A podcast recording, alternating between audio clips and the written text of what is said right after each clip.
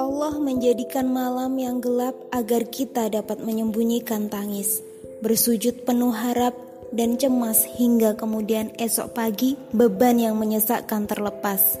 Allah menjadikan malam yang sunyi agar kita dapat menggemakan doa-doa hingga membumbung tinggi ke langit dan saat mentari bersinar ia menjadi kekuatan untuk mewujudkan harapan kembali.